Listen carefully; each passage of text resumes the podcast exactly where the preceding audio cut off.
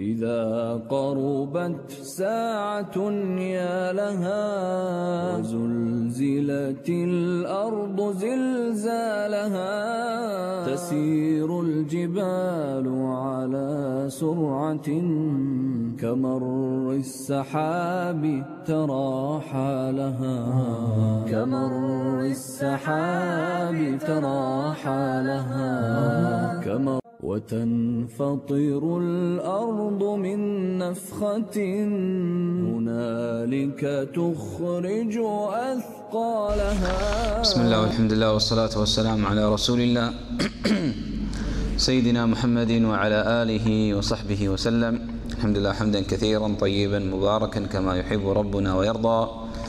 الحمد لله على نعمة الإسلام والحمد لله على نعمة الإيمان.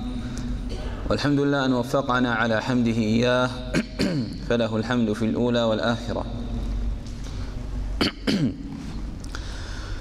والحمد لله أن أشغلنا بذكره سبحانه وتعالى. من نعمة الله عز وجل على العبد المؤمن وعلامة محبته له أن يشغله بذكر الله عز وجل. فهو ينتقل من ذكر إلى ذكر من طاعة إلى طاعة من خير إلى خير. هذه نعمة من الله عز وجل أن يختارك من بين أهلك من بين أصدقائك من بين أصحابك في الوظيفة ويجعلك تنشغل به سبحانه وتعالى. وغيره من خلقه ربما انشغل بالخلق وانشغل بالناس وانشغل بالمعاش في جل حياته. لكن أنت الله عز وجل اختارك وأشغلك به. فإذا قيل أين فلان؟ قالوا مشغول بالله. تكون دائما مع الله عز وجل في حلك وفي ارتحالك في قيامك في قعودك في جلوسك. قلبك دائما مع الله عز وجل متعلق بالله جل وعلا. هذه نعمة من الله عز وجل تستحق أن تحمد وتشكر. أن الله عز وجل أخرجنا من بيوتنا وأتى بنا إلى هذه المساجد حتى نشهد الدروس ونسمع كلام الله عز وجل وكلام النبي صلى الله عليه وسلم. نسأل الله عز وجل أن يعيننا على شكر هذه النعم العظيمة. فلو يتساءل الإنسان يعني يتفكر ما الميزة التي لدينا حتى يختارنا الله عز وجل ويحرم غيرنا؟ ما عندنا شيء. مقصرين في العبادة مقصرين في ذنوبنا مقصرين في أشياء كثيرة. لكن هي رحمة الله هي لطف الله هي حب الله هي يعني سبحانه من عطف الله عز وجل ولطفه, ولطفه بعباده سبحانه وتعالى ومنته أن يوفقهم لعبادته ويجزيهم أجرا على عبادته. فهو الذي وفقك للعبادة وهو الذي يجازيك عليها. وهذه من نعمة الله عز وجل العظيمة. حتى لا نطيل ندخل في المشروع والمقصود من الكلام. تكلمنا في لقاء أمس عن أرض المحشر وعن الأهوال والأحوال وكان المفترض أن ندخل في الشفاعة والحساب والتطاير لكن كما يعني ترون وكما سمعتم أحداث يوم القيامة كثيرة وكبيرة ومتفرعة والوقت ضيق لا نحب يعني أن نطيل عليكم كثيرا لكن حتى لا نهضم المادة حقه بإذن الله عز وجل نجتهد. يعني أن ننهيها في وقتها أو يعني نمد يوم بإذن الله عز وجل. أه بعد أن تكلمنا عن أهوال يوم القيامة وكيف يعذب مانع الزكاة والذي يمشي في النميمة والمتكبرون كيف يعذبون؟ ثم تكلمنا بعد ذلك عن أحوال يوم القيامة والنعم التي يتنعم بها الصالحون والسبع الذين يظلهم الله في ظل عرشه يوم لا ظل إلا ظله سبحانه وتعالى. وكذلك تكلمنا عن نعمة يعني بشرنا المؤذنين بأنهم أطول الناس أعناقا يوم القيامة وبشرنا كبار السن بأن الله عز وجل حرم على النار من شاب شيبة في الإسلام وأن الله عز وجل وعده الجنة.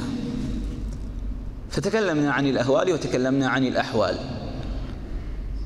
لكن يبقى بعد ذلك الناس الآن ما زالوا في موقف الحشر والمدة طويلة خمسين ألف سنة ما زالت مستمرة سنوات كثيرة. إلى الآن لن تنقضي.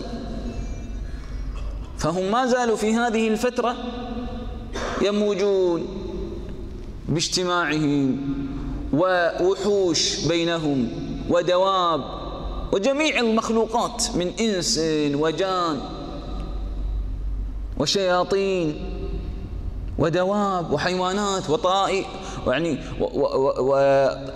والطيور والثعابين كل مخلوقات الله عز وجل تجمع في هذه الأرض.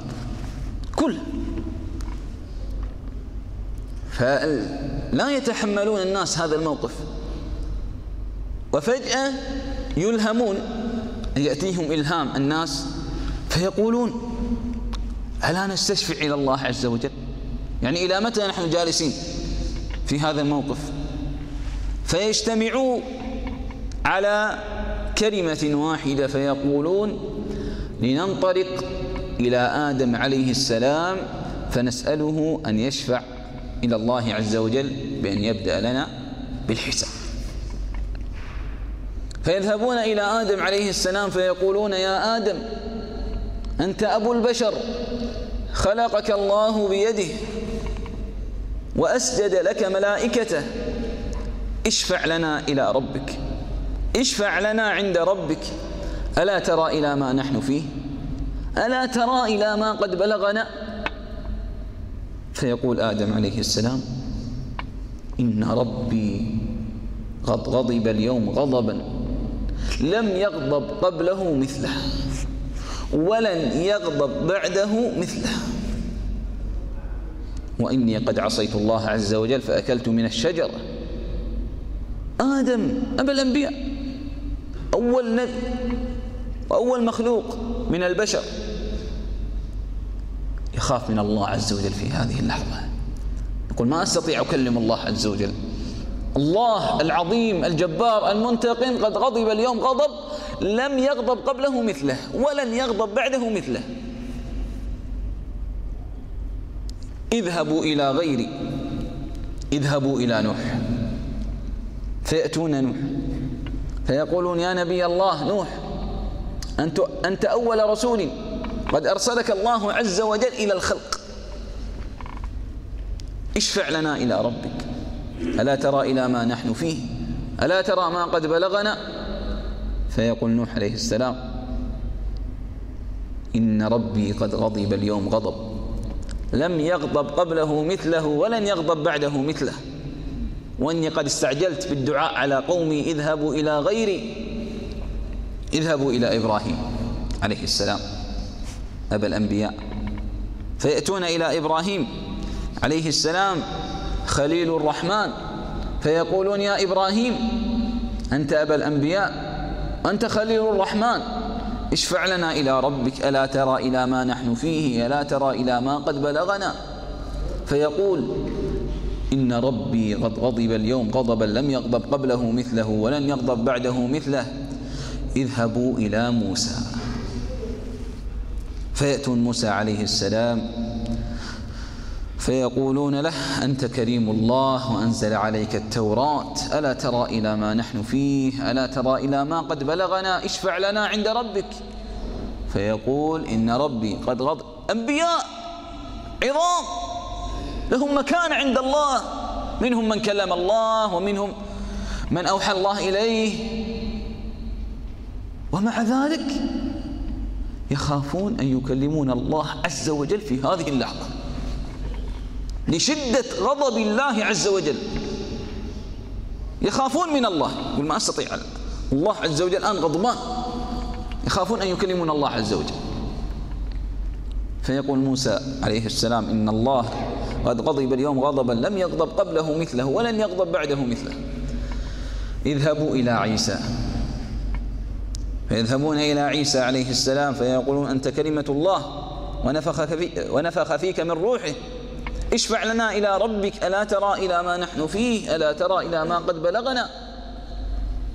فيقول إن ربي غضب اليوم غضبا لم يغضب قبله مثله ولن يغضب بعده مثله. اذهبوا إلى محمد صلى الله عليه وسلم. عبد غفر له ما تقدم من ذنبه وما تأخر. جميع الأنبياء والرسل يمتنعون. خيرة الأنبياء يمتنعون يخافون من غضب الله عز وجل. لا يستطيعون أن يتجرؤون فيطلبون الشفاعة من الله لما علموا من شدة غضب الله جل وعلا في هذا الموقف. فيأتوا وتخيل جميع الخلق يمشون.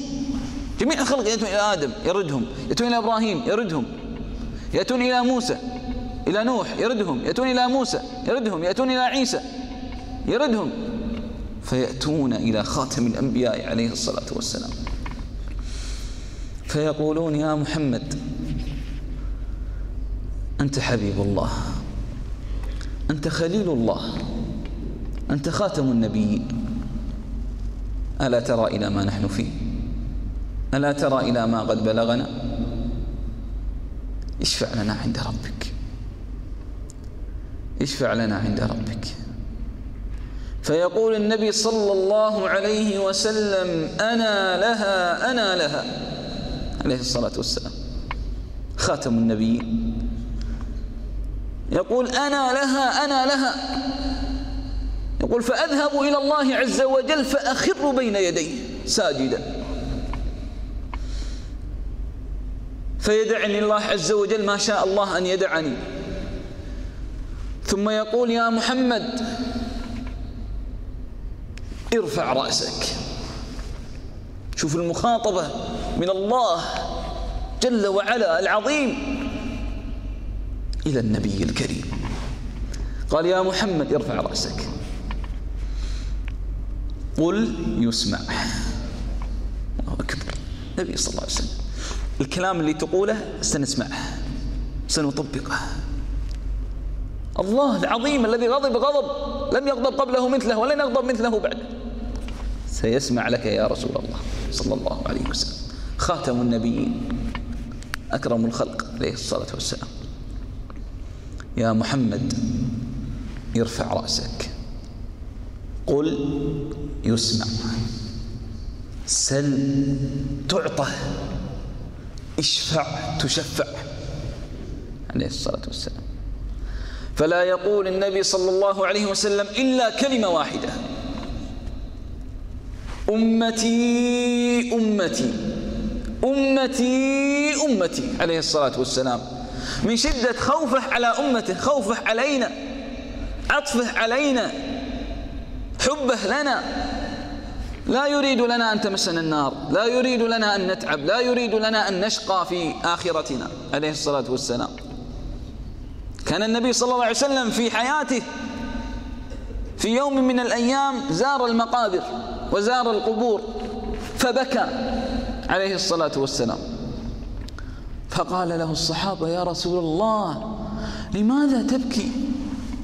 فقال النبي صلى الله عليه وسلم اشتقت لإخواني اشتقت لإخواني. فقال الصحابة رضي الله عنهم نحن إخوانك يا رسول الله. قال لا. أنتم أصحابي. إخواني يأتون من بعدي فيؤمنوا بي ولم يروني. إخواني يأتون من بعدي فيؤمنوا بي ولم يروني فأبلغوهم مني السلام. اللهم صل وسلم على سيدنا مشتاق إلينا. متشوق لرؤيتنا. محب لنا يبكي من أجلنا يسجد بين يدي الله عز وجل من أجلنا. يدمى ويؤذى من أجلنا عليه الصلاة والسلام. قال النبي صلى الله عليه وسلم وإن لكل نبي دعوة مستجابة وإني خبأت دعوتي شفاعة لأمتي في الآخرة. ما من نبي إلا ودعا إما لقومه أو على قومه. إلا النبي صلى الله عليه وسلم خبأ دعوته شفاعة لأمته في الآخرة كما جاء في الحديث. الصلاة والسلام. فيقال للنبي صلى الله عليه وسلم ارفع رأسك قل يسمع سل تعطى اشفع تشفع. فيقول عليه الصلاة والسلام أمتي أمتي.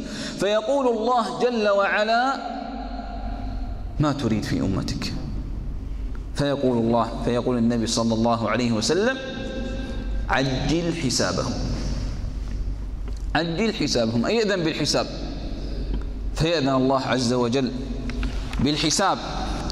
ويؤتى بالملائكة صفا صفا. وينزل الله عز وجل نزولا يليق بجلاله سبحانه وتعالى. فيحاسب جميع الخلق.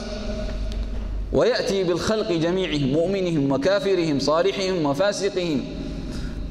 فيبدأ الحساب. ويوقف الله عز وجل عباده بين يديه فيعرفهم بأعمالهم. لا يغادر صغيرة ولا كبيرة إلا أحصاها. الأمم في هذا الوضع تجثو. الناس يسقطون على الأرض. لا يتحملون الموقف. وترى كل أمة جاثية. كل أمة تدعى إلى كتابها. الآن سيستلم الكتب. ستخرج الفضائح ستكشف الأمور. وترى كل أمة جاثية كل أمة تدعى إلى كتابها اليوم تجزون ما كنتم تعملون. هل ينظرون إلا أن يأتيهم الله في ظلل من الغمام والملائكة وقضي الأمر وإلى الله ترجع الأمور. موقف جليل بمجيء الله عز وجل ومجيء الملائكة. ويقفون أمام الله عز وجل صفا صفا وعرضوا على ربك صفا لقد جئتمونا كما خلقناكم أول مرة. فيبدأ الله عز وجل بمحاسبة الكفار وتوبيخهم وإقامة الحجة عليهم فيقول الله عز وجل قبل ذلك للأنبياء هل بلغتم رسالاتي؟ فيقول الأنبياء بلغناها. فيقول الكفار وأصحاب الأنبياء الذين قد دعوهم الأنبياء ومللهم في الدنيا لكنهم كفروا بأنبيائهم وجحدوهم قالوا يا رب ما بلغونا رسالة. ينكرون رسالة أنبيائهم. فيقول الله عز وجل للأنبياء من لكم شهيد. ائتوا بشهيد. يوم القيامة الآن كل من يشهد على الآخر. فيقول الأنبياء محمد صلى الله عليه وسلم وأمته يشهدون لنا. قد نزل عليهم القرآن فيه ذكر الأمم وذكر الأنبياء وأنهم قد دعوا قومهم وأن قومهم قد أنكروا وكفروا. فالنبي صلى الله عليه وسلم يشهد على جميع الخلق وأمته صلى الله عليه وسلم. بأن الأنبياء قد بلغوا رسالات ربهم. ثم بعد ذلك يقول الله عز وجل ويوم يناديهم فيقول أين شركائي الذين كنتم تزعمون؟ بل ليس الأنبياء والأمة النبي صلى الله عليه وسلم تشهد على الكفار. بل الأرض ستشهد عليه. على الكفار وعلى كل من عصى الله عز وجل أو طاع الله عز وجل. تبدأ الآن الشهادات. الله يشهد. الملائكة تشهد. رقيب وعتيد يقولون كنا معه. جلس يذكر الله عز وجل. ذكر الله عز وجل خاليا ففاضت عيناه. يشهدون لك عند الله. وكذلك يشهدون عليك. كان جالسا. وقد رأى أمورا لا يرضاها الله عز وجل. ومحرمة. قد سمع كلام. قد تكلم بغيبة ونميمة. قد تكلم في عرض فلان قد أكل مالا حراما قد شهد على زور قد سرق قد اغتصب أرضا. تشهد. هذه الملائكة عليه. والأرض إذا زلزلت الأرض زلزالها وأخرجت الأرض أثقالها وقال الإنسان ما لها؟ يومئذ تحدث أخبارها. بأن ربك أوحى لها تتكلم الأرض التي عليها. الطريق التي تمشي به يوميا من بيتك إلى المسجد سيشهد لك عند الله. بأن قدمك قد وطأته طاعة لله. والمصحف التي تنظر فيه يوميا في مسجدك وفي بيتك وفي غرفتك سيشهد لك عند الله. والسجادة التي تضعها في غرفتك وتسجد بها في, في آخر الليل سيشهد وستشهد لك عند الله. وكذلك الأرض التي مشيت بها أو سافرت إلى معصية الله عز وجل ستشهد عليك. وكذلك تشهد عليك الأعضاء يوم تشهد عليهم ألسنتهم وأيديهم وأرجلهم بما كانوا يعملون. فإن الله عز وجل يأتي بالعبد فيقول له ألم تفعل ذنب كذا في ذنب ألم تفعل ذنب كذا في يوم كذا في وقت كذا؟ فأما الكافر والفاسق والعاصي الذي ينسى مراقبة الله عز وجل فيقول يا ربي ما فعلته. هو الآن يكذب يريد ماذا؟ أن يعني يهرب من النار. فيقول الله عز وجل بلى كيف تكذب الله؟ قال يا رب أين الشهداء؟ أين الدليل؟ فقال ملائكة. قال لا أصدق الملائكة. قال إذا نفسك تشهد على نفسك؟ قال أشهد على نفسي. أرضى بنفسي شهيد. لا أرضى إلا بنفسي أن تشهد أنه يريد أن ينجي نفسه فيكذب. فقال كفى بنفسك اليوم عليك شهيدا فيختم الله عز وجل على فيه. الله عز وجل يربط على لسانه. ما يستطيع أن يتكلم. ما, يتم... ما يتملك بأعصابه الآن في الدنيا يدك تملكها تفعل بها ما تشاء. تدخل على المواقع التي تريدها تفعل الأشياء التي تريدها تقلب في القنوات التي لا يرضيها الله عز وجل. على ما تشاء لا أحد يمنعك. رجلك تمشي بها إلى ما تشاء لا أحد يمنعك. لكن يوم القيامة كون الآن في الدنيا هذه اليد تنقاد لك ما يعني أنها راوية. لكن هي مسخرة لك الآن لكن ستشهد عليك يوم القيامة. اليد التي فتحت فيها المصحف سجدت بين يدي الله عز وجل تصدقت بالمال لله عز وجل وأنفقت للفقراء ستشهد لك يوم القيامة. فيختم على فيه فيبدأ اليد تتكلم. اللسان يتكلم دون هو يريد أن يسكت نفسه لا يستطيع. العين تتكلم قد نظرت إلى شيء الفلاني. الإذن قد سمعت الفرج اليد الرجل يوم تشهد عليهم ألسنتهم وأيديهم وأرجلهم بما كانوا يعملون. فبعد أن يفضحوه ويذكروا مساوئه يفتح الله عز وجل لسانه. فضح خلاص كشف عري أمام الله عز وجل وأمام الملأ. فيقول هذا العبد الفاسق وهذا العبد الكافر يقول لأعضائه سحقا سحقا سحقا سحقا عن كن كنت أدافع عن كن كنت أناضل كنت أدافع وأكذب حتى لا تحترقون في النار عن كن كنت أدافع عن كن كنت أناضل. فقالوا أنطقنا الله الذي أنطق كل شيء. الله أمرنا أن ننطق فنطقنا هذا أمر الله سبحانه وتعالى. وأما المؤمن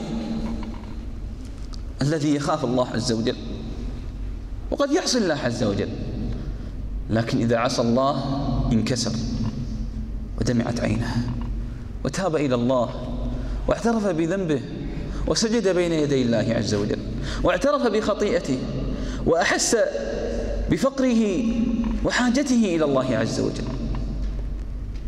فإن الله عز وجل يوم القيامة يضع كنفه أي ستره على هذا العبد المؤمن التقي.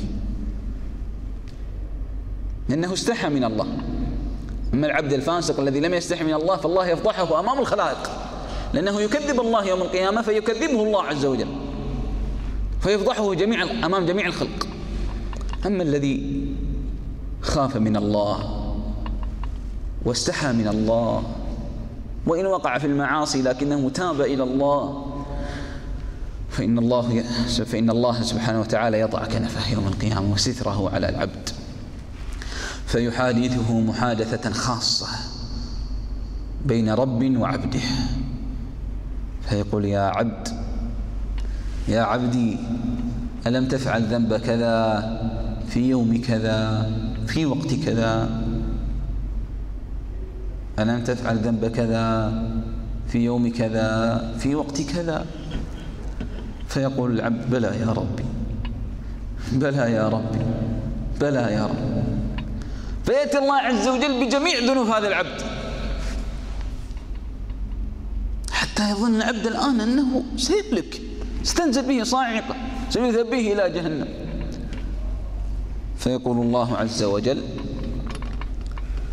سترتها عليك في الدنيا وأنا أسترها عليك اليوم. سترتها عليك في الدنيا وأنا أسترها عليك اليوم. في الدنيا تبت إلي فسترتك ولم أفضحك بين الخلق. في الآخرة لا أفضحك بين الخلق. سترتها عليك. لأنك اعترفت بذنبك. أقريت بتقصيرك. تبت إلي. استغفرت ندمت أظهرت الانكسار. سترتها عليك في الدنيا وأنا أسترها عليك اليوم.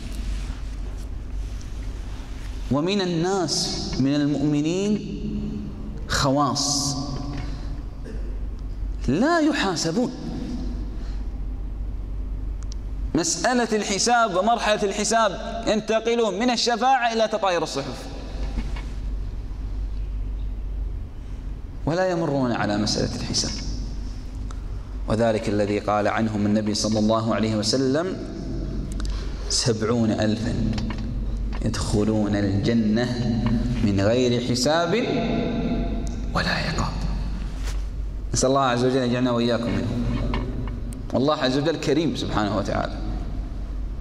سبعين ألف يدخلون الجنة من غير حساب ولا عقاب. هم الذين لا يرقون ولا يتطيرون وعلى ربهم يتوكلون.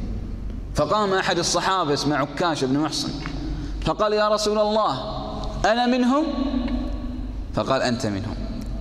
عكاش بن محصن استغلال الفرص فقام أحد الصحابة آخر فقال يا رسول الله أنا منهم؟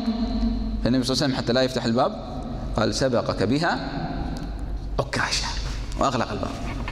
وبدأت يعني أصبحت بعد ذلك مثل المبادر يقولون له أنت لك والذي يأتي بعده يقولون له سبقك بها عكاشة. فهؤلاء إذا رأينا في الصورة الشفاعة عندنا خط الأخضر للمؤمن والخط الأحمر للكافر. فخط المؤمن عندنا خطين الخط الذي يمشي في الحساب هم الذين جميع المؤمنين. يحاسبون ثم يأتون إلى المرحلة الأخرى وهي تطاير الصحف. أما السبعين ألف فهؤلاء يستثنون من الحساب ويأتون إلى تطاير الصحف. وأول ما يحاسب عليه العبد يوم القيامة بل أول أمة تحاسب من الأمم هي أمة النبي صلى الله عليه وسلم. كما قال النبي صلى الله عليه وسلم فنحن آخر الأمم وأول من يحاسب. وأول ما يحاسب عليه العبد بين بين نفسه وبين الله في الصلاة. فإن صلحت نظر في سائر عمله. وإن فسدت لم ينظر إليه. لأن الصلاة عمود الدين من أقامها أقام الدين ومن هدمها هدم الدين. وكما قال عمر رضي الله عنه ألا لا حظ في الإسلام لمن ترك الصلاة؟ من أحسن صلاته يوم القيامة ينظر عنه في زكاتك في صيامك في في حجك في عمرتك في برك والدينك. لكن إذا رأس الأمر اللي هو الصلاة غير قائم به هذه الأمور كلها تذهب. لأنها هي عمود الإسلام عمود الدين. هذا بين العبد وبين خالقه سبحانه وتعالى. أول ما يحاسب عليه. وأما أول ما يحاسب بين الخلق فإنه بالدماء في الدماء. من ضرب إنسانا فأدماه أو قتله بغير حق بأي ذنب قتلت. وإذا الموءودة سئلت بأي ذنب قتلت. يوم القيامة أول ما يقتص بين العبد وبين الناس في الدماء. يأتي الرجل حاملا رأسه يوم القيامة فيقول لربه سبحانه وتعالى يا ربي سل قاتلني سل الذي قتلني فيما قتلني. كل من يقتل الناس ظلم وطغيان واستبداد بغير حق سيحاسب يوم القيامة. ولن يظلمون هؤلاء الذين قتلوا بغير حق. بل سيأخذون حقهم بإذن الله عز وجل يوم القيامة. المستضعفين كما نرى الآن هؤلاء القتلى الشهداء في إخواننا في سوريا في فلسطين في جميع بلاد المسلمين المستضعفة. لن يخذلهم الله عز وجل بل سينتصر لهم في الدنيا وفي الآخرة. وسينتقم من الظالمين. فأول ما يقضى بين الخلائق في الدماء. ثم الله عز وجل يأتي إلى يأتي في الحساب إلى البهائم. فهو سبحانه وتعالى ولا يظلم ربك أحدا. حك حكم عدل سبحانه وتعالى. فيأتي الله عز وجل فيقتص للشاة الجلحاء من الشاة القرناء. حيوانات لكن الله عز وجل لا يظلم ربك أحدا. الشاة التي في الدنيا لم يكن لها قرن واتت شاة أخرى قرناء فنطحتها الله عز وجل يأتي بالشاة التي ليس لها قرن في الآخرة فيجعلها تنطح الشاة التي لها قرن حتى تأخذ بحقها. عدل. حكيم سبحانه وتعالى لا يظلم أحدا. فبعد أن يقتص جميع الحيوانات من بعضهم يقول الله عز وجل لهؤلاء المخلوقات الحيوانات كوني ترابا. فيقول الكافر يومها يا ليتني كنت ترابا. حتى لا يعذب. يقول يا ليتني كنت. تكرمون حيوان؟ أو كنت أي دابة؟ حتى يقال لي كن تراب ولا أعذب في نار جهنم. نسأل الله العافية.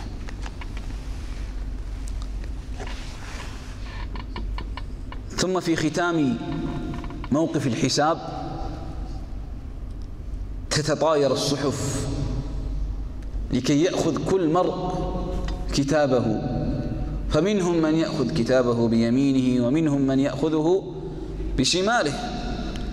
فأما المؤمن فيأخذ كتابه بيمينه. يرفع يديه. فيأتي كتابه ويلصق في يمينه. أما الكافر والمنافق فيأخذ كتابه بشماله. ومن المنافقين من يضع شماله خلف ظهره ويرفع يده اليمنى. يريد أن يخادع الله عز وجل حتى يقع الكتاب في يده اليمنى. فيأتي كتابه وراء ظهره. فأما من أوتي كتابه بيمينه فسوف يحاسب حسابا يسيرا وينقلب إلى أهله مسرورا. يأخذ كتابه بيمينه فيرى أعماله الصالحة فينقلب إلى أهله في المحشر يذهب إلى والده يذهب إلى زوجته يذهب إلى أقاربه. ها اقرأوا كتابيه ها اقرأوا كتابيه إني ظننت أني ملاق حسابية. أي ظننت أي أيقنت أن هناك يوم قيامة. إني ظننت أني ملاق حسابي حنشوفوا أبنائنا إذا تخرجوا وأتوا بالدرجات العالية. يأتي رافع رأسه لوالديه. فرح. يا والدي هذه درجتي العالية. ويرفع أمام آه، جدة وأمام أعمامه ويوريهم. لكن لا يأتي بدرجة يعني ما هي عالية ودرجة ربما ساقط ولا دور ثاني يخشها ولا يريد أن يراها أحد. كذلك يوم القيامة. معنا يوم القيامة ما في دور ثاني إما ناجح في جنان وإما نسأل الله العافية خسران. فما من أوتي كتابه بيمينه فيقول هاؤم اقرأوا كتابي إني ظننت أني ملاق حسابي فهو في عيشة راضية في جنة عالية.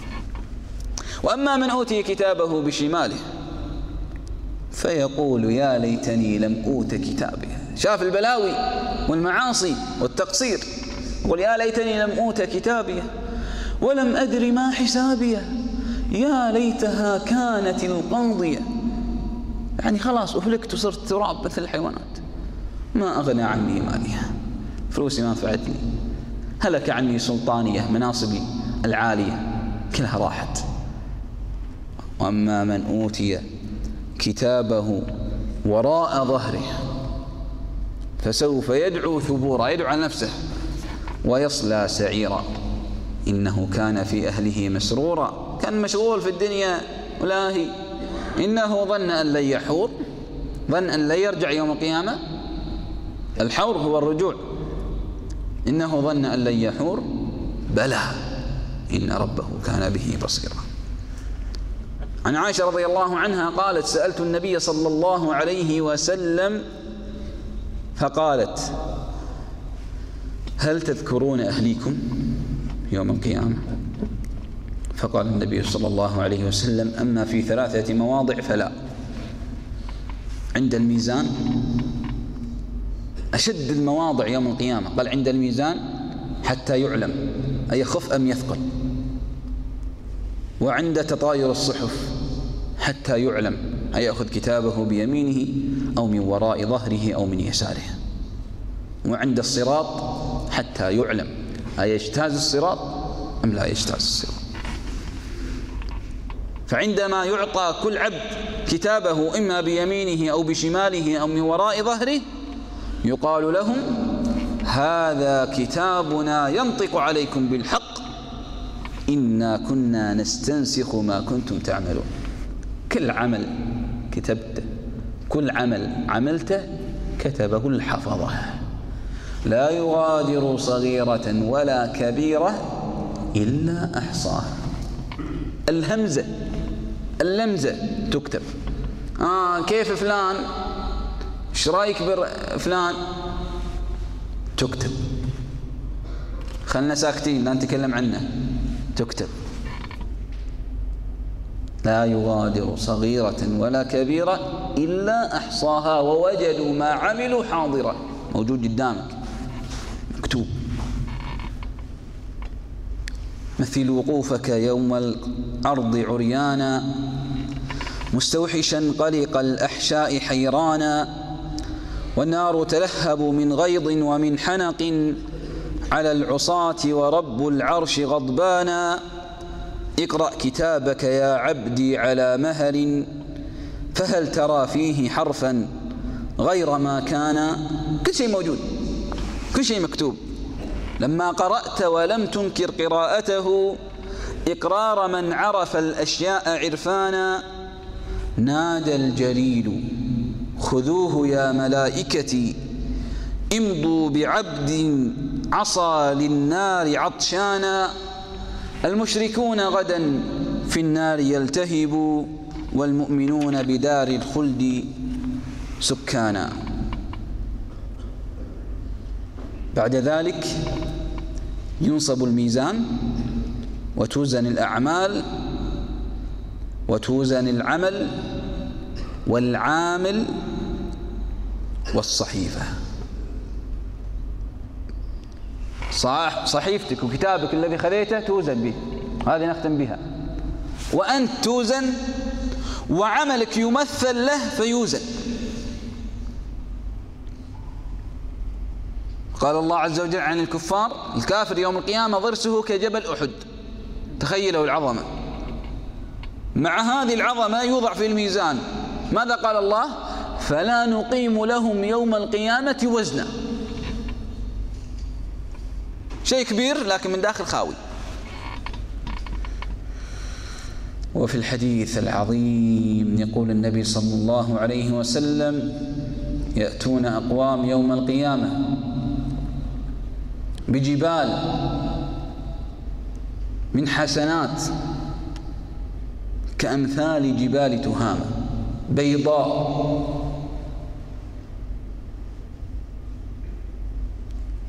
حتى إذا وضعت في الميزان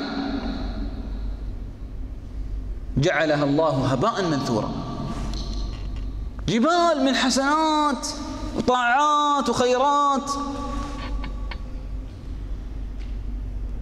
قيام ليل وصدقات وختمات في القرآن وحج وعمرة. لكن إذا وضعت في الميزان جعلها الله هباء منثورا. كيف؟ قالوا الصحابة رضي الله عنهم يا رسول الله صفهم لنا جلهم لنا علنا لا نكون منهم. صفهم لنا جلهم لنا وضحنا وضح لنا معالمهم. فقال عليه الصلاة والسلام هم قوم يصلون كما تصلون ويصومون كما تصومون. ويأخذون من الليل كما تأخذون أي يقيمون الليل بقى.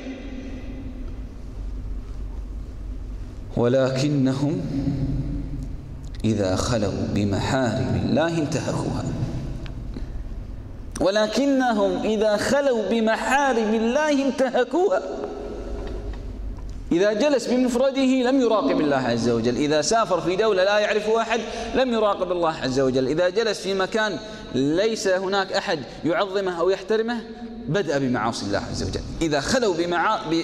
إذا خلوا بمحارم الله انتهكوها. جعلوا الله أهون الناظرين إليهم يوم القيامة يجعل الله أعمالهم صيام قيام كلها تذهب. لماذا؟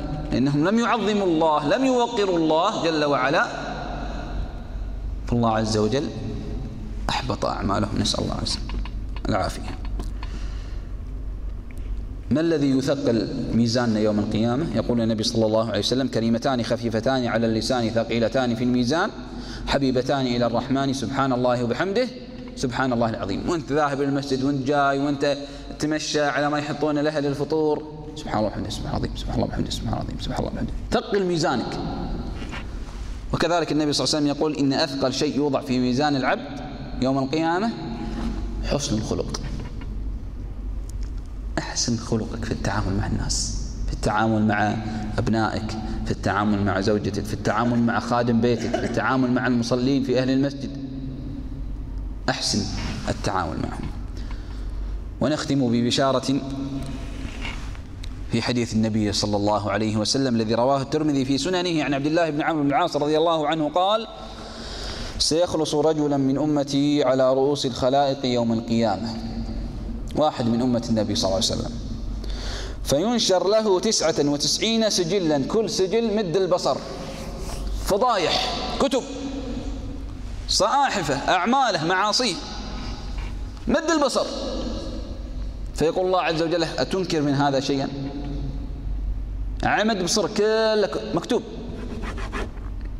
أتنكر من هذا شيئا؟ فيقول العبد لا يا ربي فيقول الله عز وجل أظلمك كتبتي كتبوا شيء أنت ما سويته. فيقول لا يا ربي. لا يا ربي. فيقول الله عز وجل ألك عذر؟ فيقول لا يا ربي. فيقول الله عز وجل الرحيم الرحمن اللطيف المنان. قل بلى. إن لك عندنا حسن فإنه لا ظلم اليوم. فيدورون في صحيفته فتخرج بطاقة طلعون بطاقة. فإذا في البطاقة أشهد أن لا إله إلا الله وأشهد أن محمد رسول الله. أشهد أن لا إله إلا الله وأشهد أن رسول الله. فيقول الله عز وجل ضعوها أو ضعوا هذا هذه البطاقة في ميزان. فيقول العبد يا ربي ما تفعل هذه البطاقة بالسجلات. 99 سجل كلها معاصي تقصير. فيقول الله عز وجل لا ظلم اليوم. هذا حكم عدل سبحانه وتعالى. فتوضع السجلات في كفة. 99 اللي على مد البصر. والبطاقة في كفة. فطاشت السجلات وثقلت البطاقة. ولا يثقل مع اسم الله شيء. ولا يثقل مع اسم الله شيء. اسم الله عظيم. من يشهد أن لا إله إلا الله ويشهد أن محمد رسول الله يرحمه الله ولا يعذبه. يلطف به سبحانه وتعالى. لأن ربنا خلقنا ليرحمنا. خلقنا ليدخلنا الجنة. وإن عصيناه أمد في أعمارنا حتى نتوب. وإن عصيناه ستر علينا ولم يفضحنا بكرمه ومنته سبحانه وتعالى. نسأل الله عز وجل أن يثقل موازيننا يوم القيامة. نسأل الله عز وجل أن يخفف عنا الحساب ويجعلنا ممن يدخلون الجنة بغير حساب ولا عقاب. اللهم ثقل موازيننا بطاعتك يا رب العالمين. اللهم ثقل موازيننا بطاعتك يا رب العالمين. اللهم إن ذنوبنا كثيرة ومغفرتك كبيرة. فاغفر لنا يا الله. إلهنا لسنا للفردوس أهلا ولا نقوى على نار الجحيم. فهب لنا مغفرة منك وفضلا فإنك غافر الذنب العظيم. سبحان ربك رب العزة عما يصفون وسلام على المرسلين والحمد لله رب العالمين. وجزاكم الله خيرا على حسن الاستماع